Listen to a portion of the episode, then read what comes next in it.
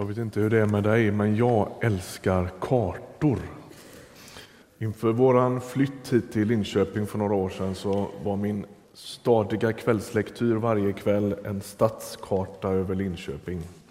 Och jag och min fru är ganska olika på den punkten. Hon har ingen som helst förståelse för det. Men jag satt där och funderade och försökte få ihop det och hur funkar det här och om man cyklar dit och han vet vad. Och jag kan gå igång på det. Ehm, våra, när vi åker på resor, våra barn, de, de har alltid tyckt att alltså, du, du, är så pinsam, du har ju världens största sån turistkarta. Du ser verkligen ut som en turist. Och jag tänker, gör inte ni det då? Alltså, det är ju inte bara kartan som avslöjade oss, kan vi säga. Um, jag tycker det är fantastiskt med kartor. Ibland på torsdagsmorgnar här inne klockan sju när vi har bön för våran stad så ber vi med en stor stadskarta över Linköping framför oss och så lägger vi händerna på lite stadsdelar och så ber vi för Skäggetorp och vi ber för Berga och vi ber för Vidingsjö och för Lambohov och så här. Det liksom hjälper på något sätt. Problemet med den där kartan, jag har den precis likadan på väggen inne i mitt kontor, en stor satellitkarta över Linköping och problemet med den är att den inte stämmer längre. Ehm, den skulle egentligen behöva ritas om därför att den är inte längre en bild av verkligheten. Hela bostadsområden på den här kartan saknas eftersom stan växer så snabbt. Så det finns en del gator och, och områden som liksom bara är grönt på den där kartan. Och när Jesus kallar människor så binder han alltid människor till sig själv. Och när han gör det så gör han det för att han önskar få allt större plats i våra liv. Och avsikten med det är egentligen inte att tränga oss utan att befria oss. Den människa som blir bunden vid Jesus blir fri.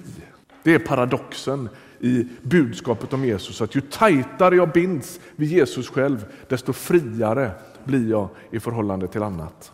Så är det. Men när han gör det så ritar han alltid om kartan. Han ritar om kartorna i våra liv. Kartan blir ny. Den här serien, Vatten är tjockare än blod, handlar om vad som händer när man låter döpa sig och när man börjar leva ett kristet liv. Det är ett starkt statement att låta döpa sig, en stark proklamation. När man gör det så påstår man och proklamerar man att nu tillhör jag ett annat rike, en annan herre. Jag har nya lojaliteter, det har knutits nya band i mitt liv. Vatten är tjockare än blod. Vi brukar ju säga tvärtom, eller hur? Och det är ju dessutom det som är sant, rent liksom. Blodet flyter trögare än vad vattnet gör. Och Vi brukar säga det och mena att släktband, familjeband alltid väger tyngre i exempelvis en konflikt eller när lojaliteter ställs väldigt tydligt på ända. Va? Och seriens avsikt, det här vi försöker göra nu tre söndagar, det är att försöka visa att genom att bli döpt, vara en kristen, följa Jesus, tillhöra en församling, så ställs en del av de naturliga lojaliteterna på ända. Så är det. Vi ska läsa en text ifrån Lukas kapitel 14.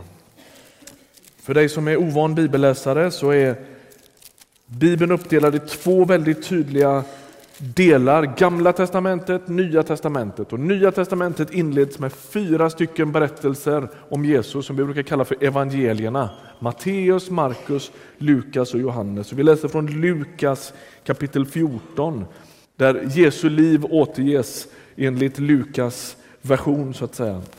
Och vers 25 så står det så här. Stora skaror gick tillsammans med honom och han vände sig om och sa till dem om någon kommer till mig utan att hata sin far och sin mor och sin hustru och sina barn och sina syskon och därtill sitt eget liv kan han inte vara min lärjunge.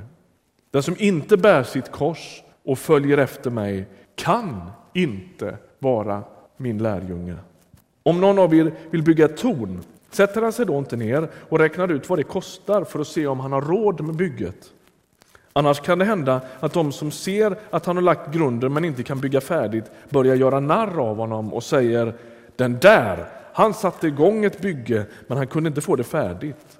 Eller om en kung vill dra ut i fält mot en annan kung, sätter han sig då inte ner och överväger om han med 10 000 man kan möta den som rycker an med 20 000? Kan han inte det så skickar han sändebud för att be om fred medan den andra ännu är långt borta. Så är det alltså. Ingen av er kan vara min lärjunge om han inte först avstår från allt han äger. Stanna där. Stora skador följer och Jesus är populär förstår vi av det här textstycket. Va? Det är massa folk och det är ganska enkelt att kalla sig lärjunge eller åtminstone lite intresserad av Jesus vid det här tillfället. Därför att det är de flesta. Gång på gång i de här texterna i evangelierna så ser vi hur Jesus gör samma sak. Han vänder sig om och så beter han sig som värsta partydödaren. De bara älskar att följa honom och allting är på topp och så liksom påminner han om att det här kan komma att bli svettigt. Visst, det ser enkelt ut. Visst, det verkar rimligt att följa mig. Men det kommer en dag när det inte är enkelt att följa. Det kommer en dag när det inte ens verkar rimligt att följa. Det kommer en dag när kalkylen inte går ihop. Alltså när du tycker att insatsen är för hög. Förr har jag tänkt att när han gör det här så gör han det för att han i någon mening undviker den här populariteten. Han vill dämpa folkmassan för han vet att de innerst inne inte är så överlåtna som de tror. Han vet ju det. Och att han liksom på något sätt är lite vaksam på det där med liksom att bli poppis. Men så tänker jag, när jag läser hela det här stycket, när han ger de här två bilderna av att bygga och att dra ut i krig, att det kanske finns en annan ton i det här, nämligen att han försöker hjälpa dem och se vad det är som håller på att hända. Att intressera sig för vem Jesus är, för hans undervisning, för vad han gör, det kommer att göra något med de här människorna. De ska inte kunna säga i efterhand att han körde med någon sorts billiga trick eller en smart marknadsföring för att få dem att hänga på, utan de ska gå in i efterföljelsen hos Jesus med öppna ögon. Det ska vara klara besked på vad det är som gäller. Lite som en ledare för en expedition som hjälper deltagarna att se vad det är som väntar. Okej, okay, just nu är du ingen fara. Det är sol och det är hyfsat flackt och det är liksom bra vägar och det funkar. Men så småningom kommer den här expeditionen att leda till helt andra uppoffringar. Är ni med på det? Det är som att det är det Jesus försöker säga till dem. Det kommer att bli svettigt att följa. Han hjälper dem att se vad som väntar, ärligt, så osminkat som möjligt. Och Det här är ju en av de fascinerande sakerna med Jesus. Han är ju ingen försäljare. Jag roar mig med att titta på Plus. Brukar ni kolla på Plus? Och sitter och bara myser och tänker de är på den lilla människans sida. De slåss mot liksom arroganta försäkringsbolag och telefonförsäljare och, och skojare. Och så här, va? Så tänker jag, Jesus han skulle aldrig liksom ställas till svars i ett sånt här program därför att han spelar med väldigt öppna kort. Det är väldigt tydligt vad man går in i. Man får liksom inte en alltför, man får ingen sminkad bild eller tillrättalagd bild, utan han vänder sig till de här lärjungarna och, och efterföljarna mitt i partyt och säger, är ni med på vad det här kommer att betyda? Det är väldigt lite finstilt text i Jesu, Jesu liksom avtal. Det är klara besked.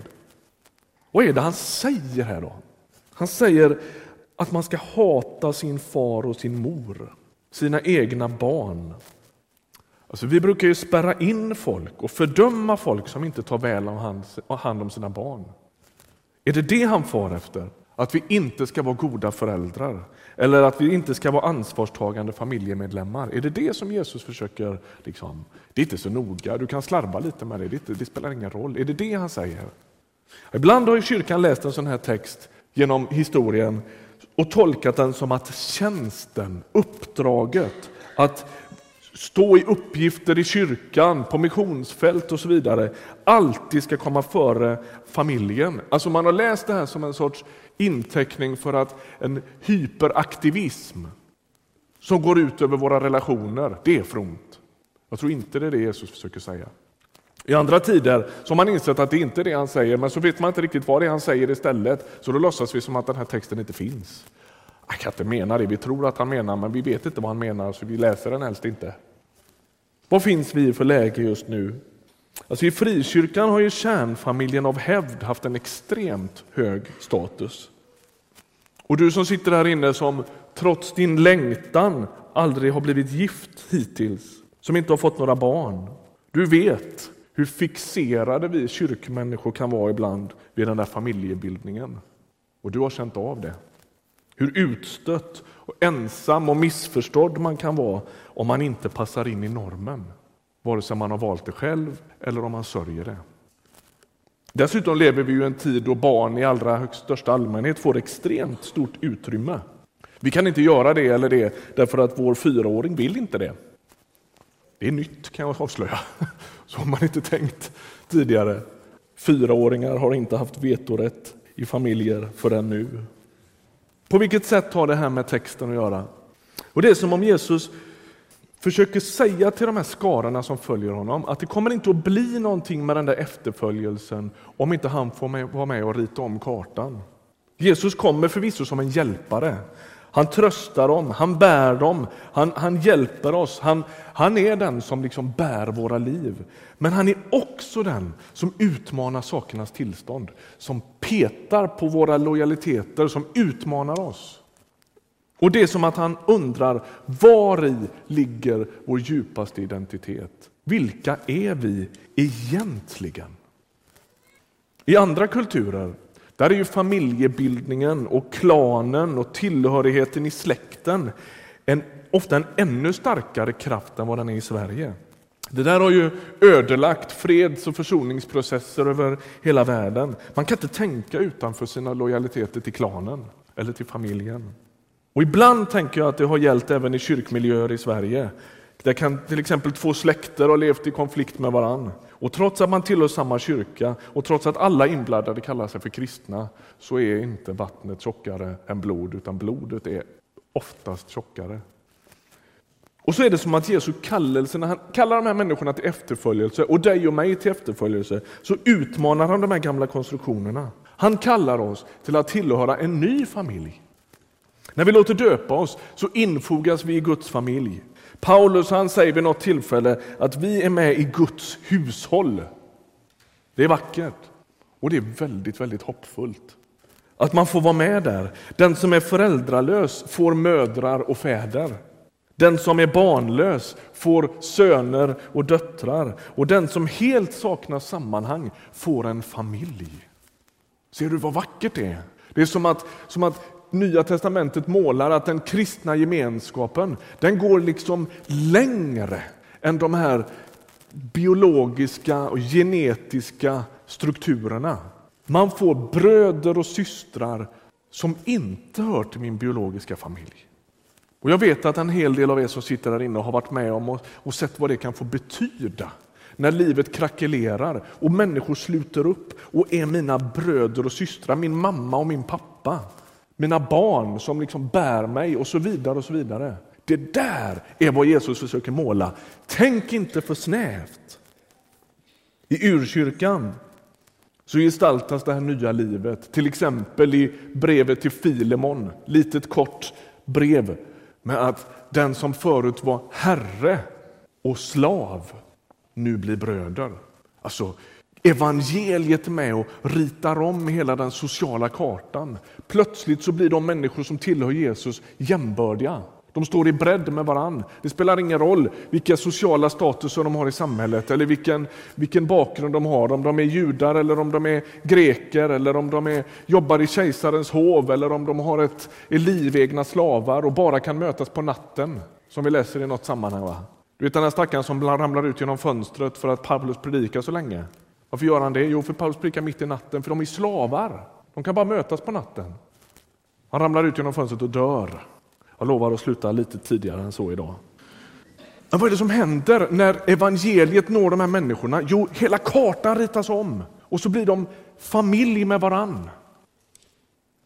Det finns en författare som heter Shane Claiborne. Han har skrivit en bok som heter Den oemotståndliga revolutionen. Det är dagens boktips. Jag tror kanske faktiskt att den finns här ute. Den är, finns på rea nu, du kan köpa den för en billig peng lite överallt. Han säger så här, det är en fantastisk bok. Han säger så här, med ny blick kan vi se att vår familj är både lokal och global. Allomfattande, men något som går utöver biologi, stam och nationalitet. En förnyad vision av släktskapet i Guds familj med syskon i Afghanistan, Irak, Sudan, Burma, norra Philadelphia och Beverly Hills. Alla visioner som är mindre än så är för närsynta för Jesus. Är du med?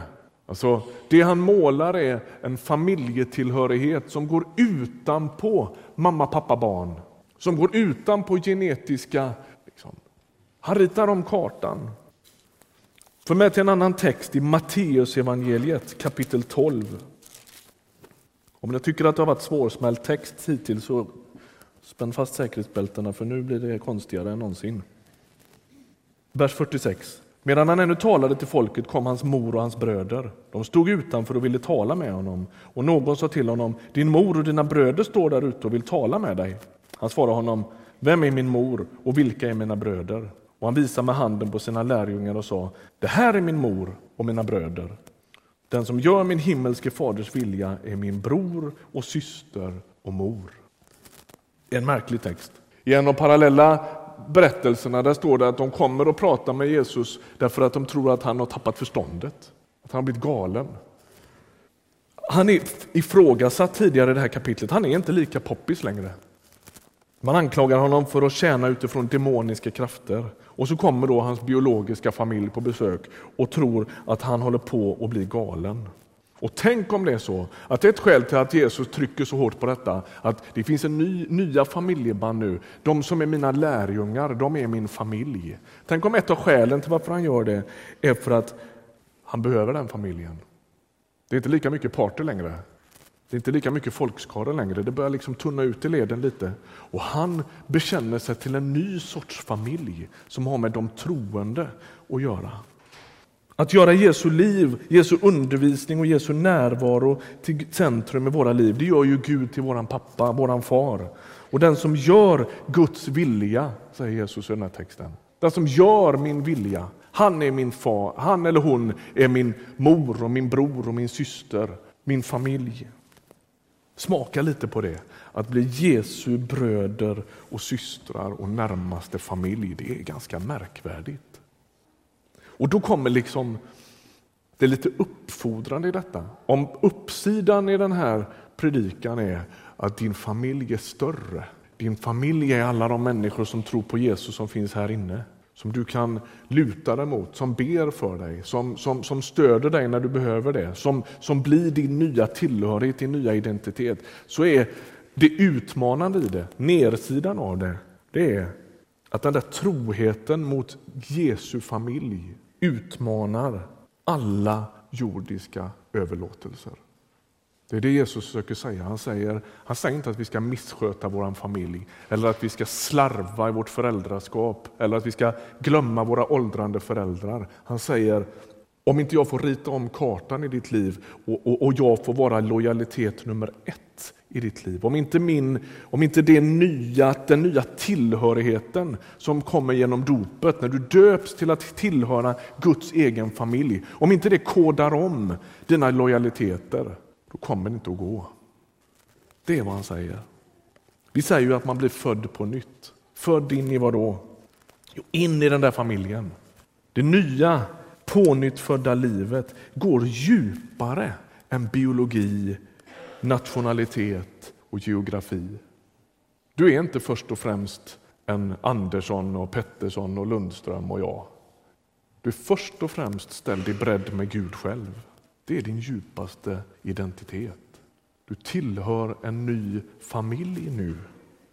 Jag glömmer aldrig, för många, många år sedan så hade vi ett team när jag jobbade med teamarbete som, som, som hade gudstjänster på arabiska i en källarlokal i Göteborg.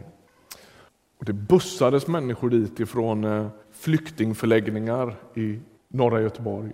Och så var de på arabiskspråkiga gudstjänster i Gileadkyrkans källare. Och så kom en del av de här arabiska människorna till tro på Jesus. Och vet du vad som hände då? Som hände var att bussresan hem till förläggningen blev tämligen turbulent. Det utbröt slagsmål på den bussen. Det utbröt superkraftiga konflikter på den där bussen hem till flyktingförläggningen i Partille. Varför gjorde du det? Jo, därför att alla insåg att om de här människorna har tagit emot Jesus, då kommer hela kartan av lojaliteter, bindningar, eh, eh, tillhörigheter att ritas om. Och då blev den här texten jätteaktuell. Nu måste jag välja. Det är liksom den tuffa sidan av myntet. Jesu kallelse att gå med honom, att låta döpa sig och att börja dela det nya livet med honom kanske inte ens gillas av hela din biologiska familj. Du kanske får på nöten för att du vill gå med Jesus. Du kanske har tvekat att låta döpa dig därför att du kommer i konflikt med dina egna föräldrar eller med dina egna syskon. Och jag har jättestor respekt för den kampen. Det ska man inte ta lätt på. Jesu hälsning i den första texten vi läste den är beräkna det noga, slarva inte med det. Men det är som om han står och lockar dig och säger gör det ändå, gör det ändå.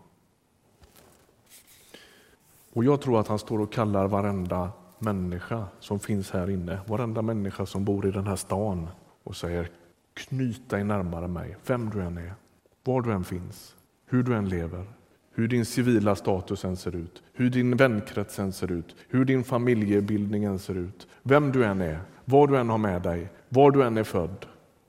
Bind dig nära mig. Först då blir du en fri människa. Ska vi be en bön? Tack Jesus för att du är här. Vi tror det av hela våra hjärtan. Du har lovat det och vi har inget skäl att tvivla på det. Vi tror att du är här. Du rör dig mellan våra bänkrader. Du lägger din hand på människor. Du viskar in i människors själ och hjärta. Du påminner människor om löften, om böner, om frågor man har ställt. Herre, jag vill be att du skulle komma till oss, var och en som sitter här inne. och Kalla oss att lite djupare följa dig. Om det sker för första gången i livet eller om det sker för tusende gången, vad vet jag. Men Herre, ge oss mod att följa dig lite närmare, lite djupare. Och tack Herre för att vi får tillhöra din familj. Tack att du har gjort oss till barn i ditt rike, barn i din familj. Tack att du är våran far. Tack för att varenda Jesus troende över hela världen står i bredd med oss som bröder och systrar. Tack att du hör oss när vi ber. Amen. Amen. Ska vi göra så att vi öppnar våra böneplatser. Du som är van att gå till Ryttargårdskyrkan, du vet hur det fungerar.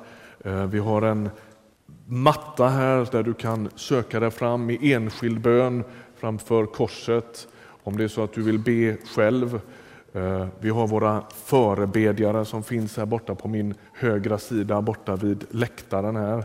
Och där kan du få en mer personligt möte med någon som ber för dig.